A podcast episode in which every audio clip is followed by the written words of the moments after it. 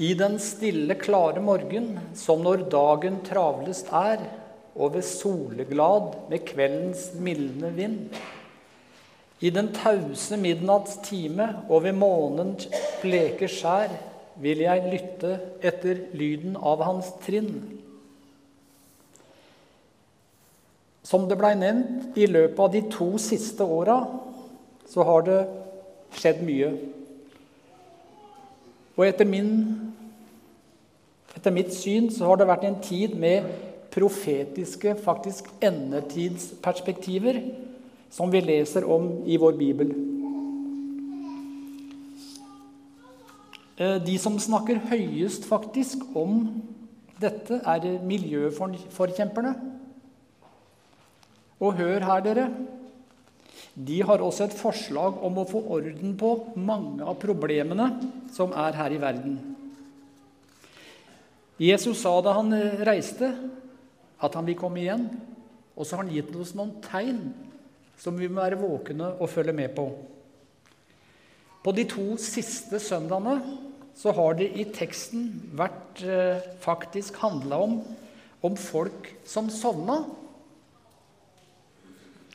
Vi som tror på Jesus og følger Bibelen, skal ikke engste oss, men hvile i evangeliet og være våkne. Fordi selve fundamentet i et liv i Ånden, det er troen på evangeliet. Om Jesu liv, død og oppstandelse. Var det ved lovgjerninger dere fikk Ånden, eller var det ved å høre troen forkynt? Spør eh, Paulus galatermenigheten. Åndens liv og dens eh, frihet som vi har i Kristus, den kan vi bare leve på i troen på Han. Til frihet har Kristus frigjort oss. Stå derfor fast, og la dere ikke igjen komme under trelldommens åk, sier Paulus i det samme brevet. Denne friheten består i at Kristus har overtatt hele ansvaret for oss, for meg og for deg. Og den som ved dåp og tro er forenet i Kristus, er faktisk fri fra lovens krav, fra lovens skyld og fra Satans herredømme.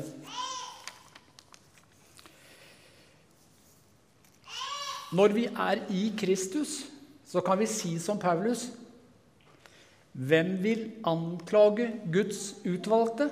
Gud er den som rettferdiggjør. Altså rettferdiggjør.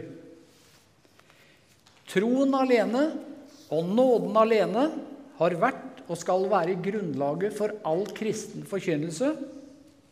Og dette er jo en av de bibelske levereglene vi har.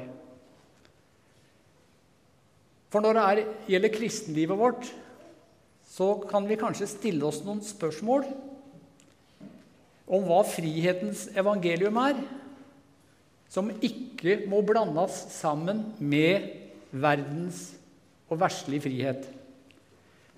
For det første holder vi fast på at vi er frelst alene for det Jesus har gjort for oss. For det andre er det kun ved å høre og lese Guds ord at vi kan bli frelst. Og faktisk så kan Jesus åpenbarte seg i drømmer og syner også. Tror vi at Den hellige ånd vil én ting med oss tjene og oppbygge hverandre i rett kjærlighet. For dette er Guds vilje, og det er det bakom alt Jesus har gjort for oss. For Jesus sier jo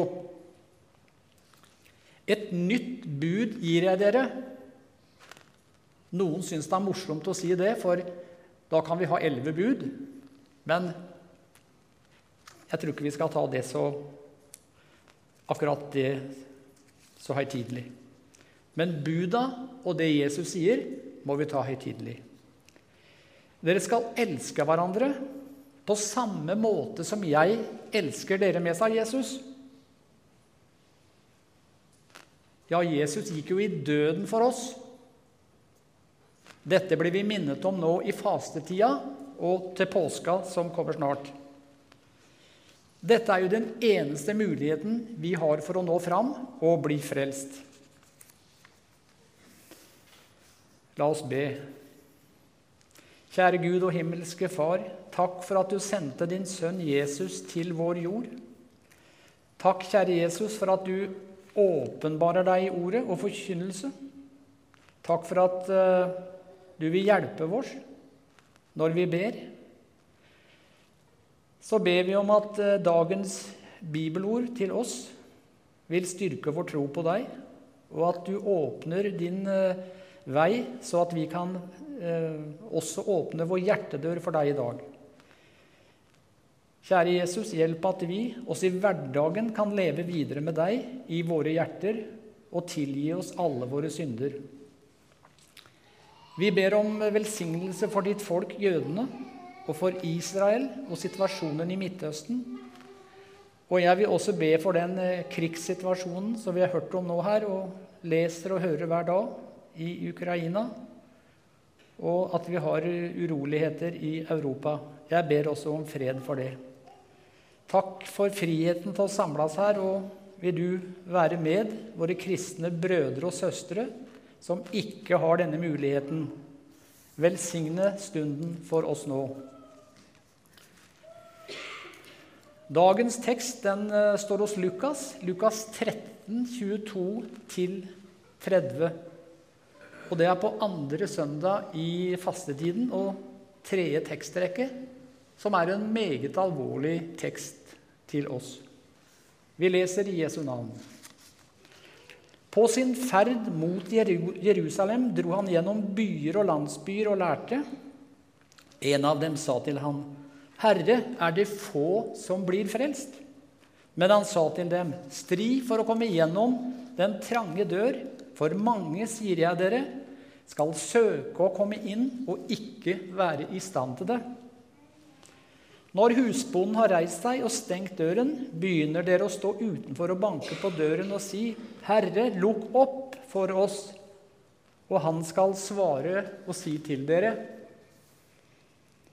'Jeg vet ikke hvor dere er ifra.'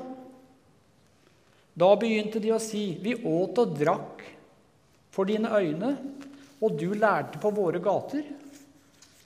Men han svarte, 'Jeg sier dere, jeg vet ikke hvor dere er ifra. Gå bort fra meg, alle dere som har gjort urett. Dere skal gråte og skjære tenner når dere får se Abraham, Isak og Jakob og alle profetene i Guds rike, mens dere selv er kastet utenfor. Og de skal komme fra øst og vest og nord og sør og sitte til bords i Guds rike og se, noen av de siste skal bli de første, og noen av de første skal bli de siste. Det er nyttig og godt å tenke på andre. Men av og til så kan det være mer nødvendig å tenke på seg sjøl. Det hender at redningsmannskaper må sikre seg sjøl før de kan få redda andre. I kristen sammenheng så snakkes det ofte om alle de som ikke er frelst. Og vi har stor nød for mange, både yngre og eldre. Vi gjør oss mange tanker om hva som skjer i Guds rike. Og det har ført til at stadig nye ideer og metoder banker på Kirkens dør. Det utarbeides uh, statistikker, og det analyseres situasjoner i menigheter, kirker og kirkesamfunn. Mange bedømmer veksten i Guds rike med antall kirkebesøkende og døpte. Vi fascineres kanskje av predikanter som samler de største forsamlingene. Og vi ser at det dukker opp flere trosretninger. Det sendes ut evangeliseringsteam. Og det har vel aldri vært mer interesse for det åndelige, iberegna det mediterelle, enn i våre dager. Alt dette viser oss tydelig at spørsmålet fra teksten i dag trenger seg helt innpå oss. Herre, er det få som blir frelst? Selv om jeg nevner dette nå, så må vi også glede oss over den aktivitet og et sant uttrykk for kristen omsorg, visjon og sjelesorg. Det er mange som brenner for at andre skal bli frelst. Men selv i vår iver så kan det bære galt av sted. Fordi hovedsaken for mange kan bli de store forsamlinger og øyeblikksopplevelser. Jeg syns vår prest sa det så klart på fastegudstjenesten sist onsdag. Mange elsker lovsangen, men ikke han som de lovsynger. Det er i grunnen akkurat dette i et nøtteskall. Hvor ofte hører vi spørsmål i dag, dere? Hva skal vi gjøre for å bli frelst? Vi står i fare for at døren til Guds rike blir så brei at Gud blir fremstilt så velvillig og snill at både omvendelse og syndserkjennelse blir gjort overflødig. Herre, er det få som blir frelst? Det var det spørsmålet Jesus fikk. Det var ikke noe galt i å spørre om det. Og Jesus bebreider ikke han som spurte, heller. Men vi ser av det svaret som Jesus fikk, at han karen her han, han, han hadde et mer nærliggende personlig problem. Hovedsaken for oss alle må være at vi først og fremst har nød for egen frelse. Vi kan ikke stå og se om det er mange som blir frelst, uten at vi tar Jesus til oss sjøl. Før vi overgir oss til Gud og går på den smale vei som Jesus snakker om, den som skal hjelpe andre, må først få orden på sitt eget forhold. Vi ser og erfarer i dag at enkelte mennesker nå har sine egne tolkninger av hva som er synd, og hva som er Guds budskap og forordninger. Jeg tror at det er farlig for oss om ikke nød for egen frelse får prege vår tjeneste for andre. Jeg tror også at eh, vi har lett for å bli overfladiske hjelpere og sjelesørgere om ikke vi har erfart angsten og frykten for å stå ovenfor den hellige Gud med våre liv. Jeg husker forkynnere for titalls år tilbake sammenligna gudsfrykten med glasset rundt parafinløkta eller stearinløkta. Når det blåste, så holdt ilden seg der uansett, som beskyttelse. Bibeltekstene nå i fastetida de viser oss på en særlig måte hva vi bør ta opp til egen ransakelse som er et gammelnorsk ord som nesten ikke vi bruker lenger. Teksten i dag legger faktisk opp til det. Sjølransakelse. Og Jesus oppfordrer oss i sitt ord i dag til å ta vår egen frelse på alvor. Fordi Jesus vet at jeg og du har så lett for å bli opptatt av de ytre forholdene her i verden og at vi blir rastløse etter jag på mye. Og vi kan faktisk stå og øh, være i fare for å miste det åndelige livet vårt uten at vi merker det. La oss tenke litt på menigheten i Laodikea. Det står der I åpenbaringen 3,17 leser vi fordi du er rik, 'Jeg har overflod og har ingen nød', sier de. Og du vet ikke at du er ussel, ynkelig, fattig, blind og naken. Det var litt av et brev å få, dere. Det er ikke noe det vi har fått i medieoppslag om det korset vi har på taket, i forhold til det brevet de fikk.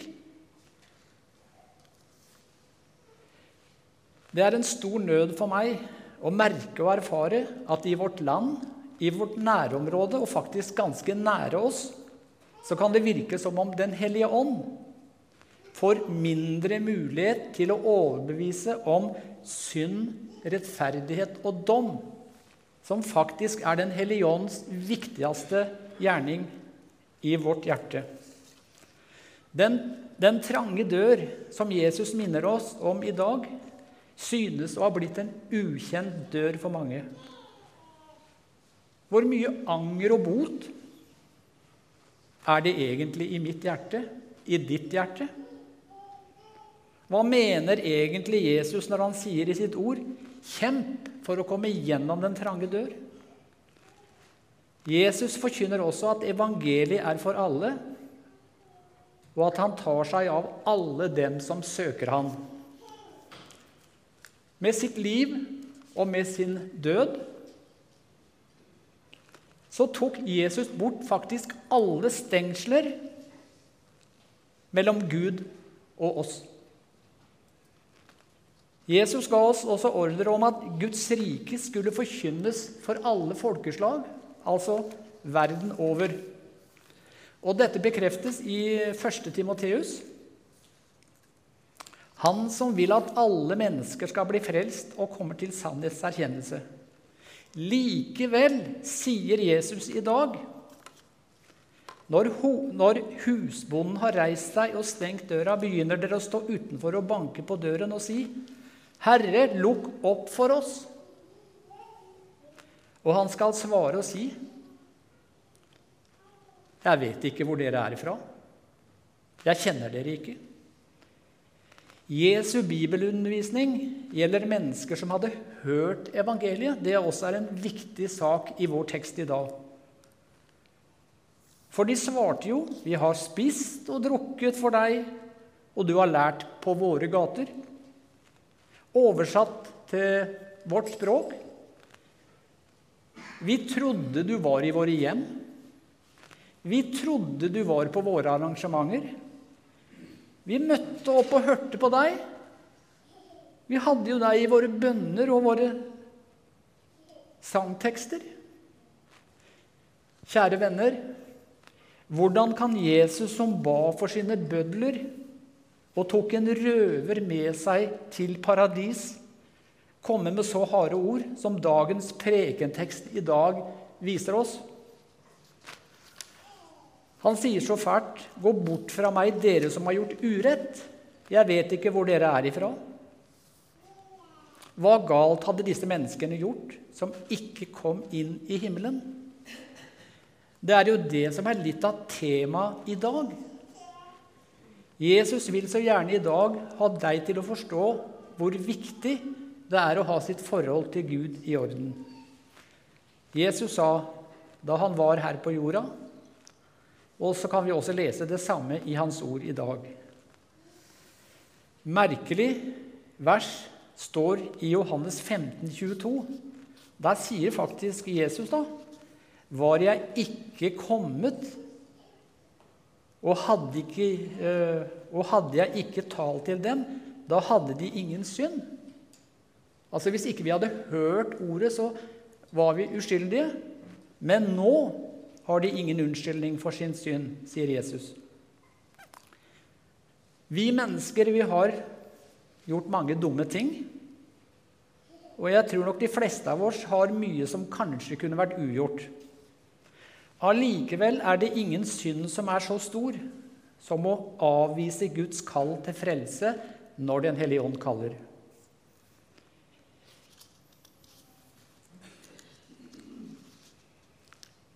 Gud kan ikke tillate at noen krenker hans frelsesvilje med oss. Der går grensen egentlig for Gud. Dette sier også Bibelen. Og det står hvor meget verre straff skulle dere da den aktes verd som har trådt Guds sønn under føtter og foraktet paktens blod, det som han mer helliggjort, det som han ble helliggjort ved og har spottet nådens ånd.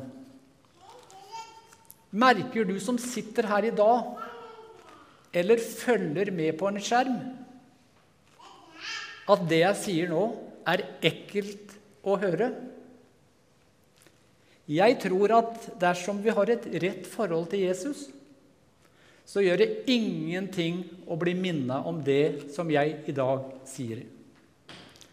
Stri for å komme gjennom den trange dør. Dette er en sterk oppfordring om å stille oss åpen for Jesus og slite oss løs fra det som hindrer oss i å nå fram helt til Jesus. Her ser vi at det nytter ikke med teoretiske spørsmål om det er få eller mange som blir frelst. Døra er så trang at vi må gi fra oss alle våre forsøk på å frelse oss sjøl. Vi må oppgi alle forsøk på å se ut som om vi er fromme, og kanskje innerst inne vet at ikke vi er det. Alle har vi den samme attesten, Jesaja 43, 24. Du har bare trettet meg med dine synder og voldt meg møye med dine misgjerninger. Kjære venn. Det som vi nå har hatt for oss, er lovens krav til oss. Hovedsaken i teksten i dag er evangeliet.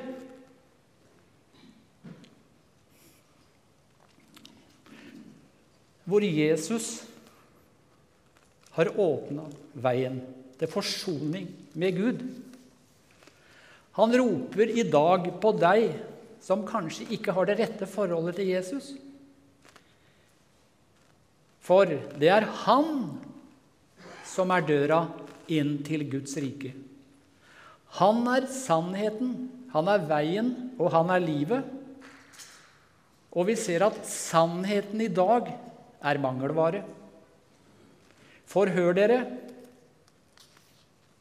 Samme gladmeldingen står faktisk i verset etter det kan du si, fæle verset jeg leste. Og her står det jeg er den som utsletter dine misgjerninger, og for min skyld, dine synder, kommer jeg ikke mer i hu. Jeg nevnte at døra er trang, men den er der. Sannelig, sannelig, sier jeg dere, den som hører mitt ord og tror Han som har sendt meg, har evig liv. Hvis du tror ordet som blir forkynt nå, og tror på Jesus, så har du faktisk evig liv i forhold til alt det fæle jeg tok opp først. Og Johannes 5, 24 vil jeg kalle dagens høydepunkt.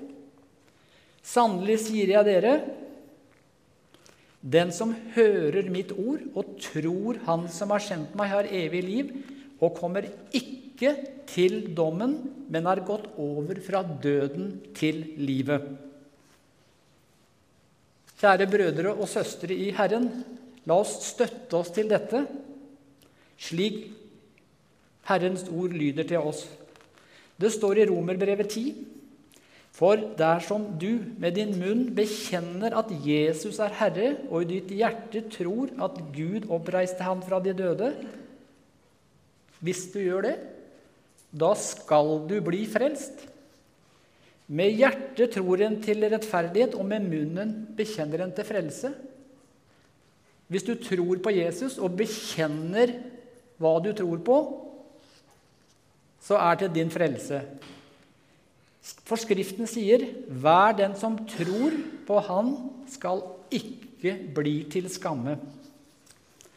For her er ikke forskjell på jøde eller greker, alle har vi den samme Herre, som er rik nok til alle som påkaller Han. Herlig ord å høre, dere. La meg være litt abstrakt. I tenkt betydning så er døra så trang at det ikke er plass til Kristus og meg. Jeg må være i Kristus, og Kristus må være i meg.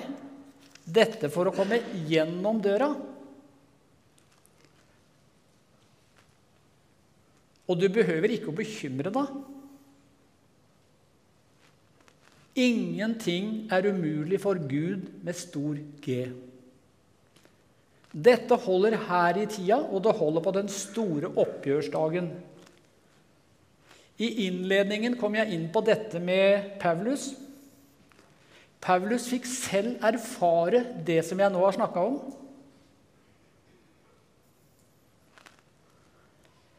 Og det endra hele livssituasjonen til Paulus. Hva han fikk oppleve etter sin omvendelse. Han skriver til menigheten i Galatia.: Jeg lever ikke lenger sjøl, men Kristus lever i meg. Det liv som jeg lever i kjødet, det lever jeg i troen på Guds sønn. Han som elsket meg, som jeg sang om i stad, og ga seg selv for meg.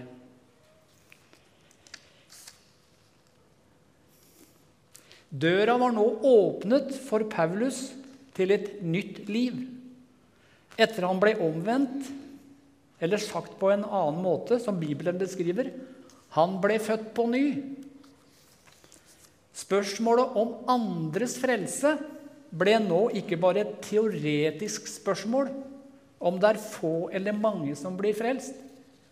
Nå brukte han hele sitt liv på å vinne andre mennesker for Kristus og himmelen. Jesus besvarte faktisk også spørsmålet som ble stilt. Herre, er det få som blir frelst? Jesus eh, han svarer, og svaret til Jesus åpner et veldig framtidsperspektiv for oss. For dem som har tatt imot Jesus og tror på han. Han svarer De skal komme fra øst og fra vest fra sør og nord og sitte til bords i Guds rike. Jeg husker en gang som har brent seg fast i, bak i huet på meg. Faren min hadde en samtale med en gang, en kar, og de kom inn på dette med de som kommer fra øst og vest og sitter til bords. Med Abraham, Isak og Jakob. Og han sa det hadde han ikke noe forhold til. Han vil ikke sitte noe til bords. Og jeg tenker med meg sjøl jeg håper ikke det blir sånn med meg. Det skal bli mange, sier Jesus, om Bibelen, som Bibelen taler om, på et annet sted, faktisk. Store skarer som ingen kunne telle. Jeg tror at på sikt så kommer det til å skje svære ting nede i Midtøsten. Jeg tror at det blir en forbrødring en gang. Og det blir store skarer som ingen kunne telle. Jeg kan ikke se det for meg, men Skriften snakker om det. Han minner oss om at vi må regne med overraskelser. For han sier noen av de siste skal bli de første, og noen av de første skal bli de siste. Eh, ikke la oss diskutere om bordplasseringa og hvor vi skal sitte, bare vi kommer inn, må bli det viktigste for oss. Vi har et uh, vers i Bibelen som besvarer så tydelig hva det vil si å være et omvendt, gjenfødt og et frelst menneske. I 1. Johannes 5,1 så leser vi faktisk der at hver den som tror at Jesus er Kristus og er født av Gud, og hver den som elsker Faderen, elsker også dem som er født av han. Altså, det må jo være våre trosvenner. Nå skal jeg snart slutte. Gjenfødelsen, som vi sier, skjer når hjertet får tillit til Jesus. Det skaper et helt nytt sinn i oss. Gjenfødelsen eller fornyelsen vil da virke åndens frukter, som vi har hørt mye om, i vårt indre. Nå i fastetida kan vi jo kjenne etter, vi som leser Bibelen. Det står at åndens frukter er kjærlighet, glede, fred, langmodighet, mildhet, godhet, trofasthet, ydmykhet. Og i min bibel står det avholdenhet, men Bibelselskapet velger å kalle det for eh, selvbeherskelse. Det skulle gå på det samme. Hvis hjertet ditt begynner å finne hvile i det ordet som Bibelen snakker om når det gjelder Jesus, så er det et bevis på at du er født på ny. Ellers ville du aldri finne hvile i evangeliet. Vi møter mennesker ute som ikke har noe forhold til det. De hviler ikke i evangeliet. Jeg tror vi må ta det som en kvittering. Dette er Bibelens svar til deg som kanskje spør hvordan få fred med Gud? Troen på Jesus er svaret. Stol på det. Bibelen sier det. Regn med det. Det er Guds vilje at du skal gjøre det. For den som tror på Guds sønn, har faktisk vitnesbyrde i seg sjøl. Og det er som eh, Martin Luther sier i et sånn kjent sitat Den som du tror på, det har du. Bibelens vitnesbyrd til den troende er Gud har gitt oss evig liv. Dette liv er i Hans Sønn, Jesus.